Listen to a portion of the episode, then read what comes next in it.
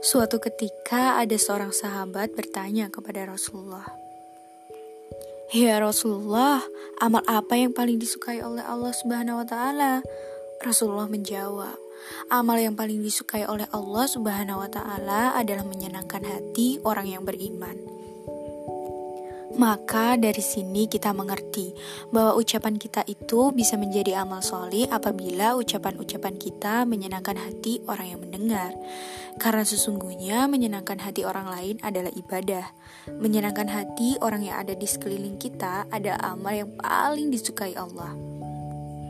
Maka dari itu kita belajar untuk memfilter setiap ucapan kita agar apa yang kita ucapkan tidak menyakiti hati orang-orang yang ada di sekeliling kita.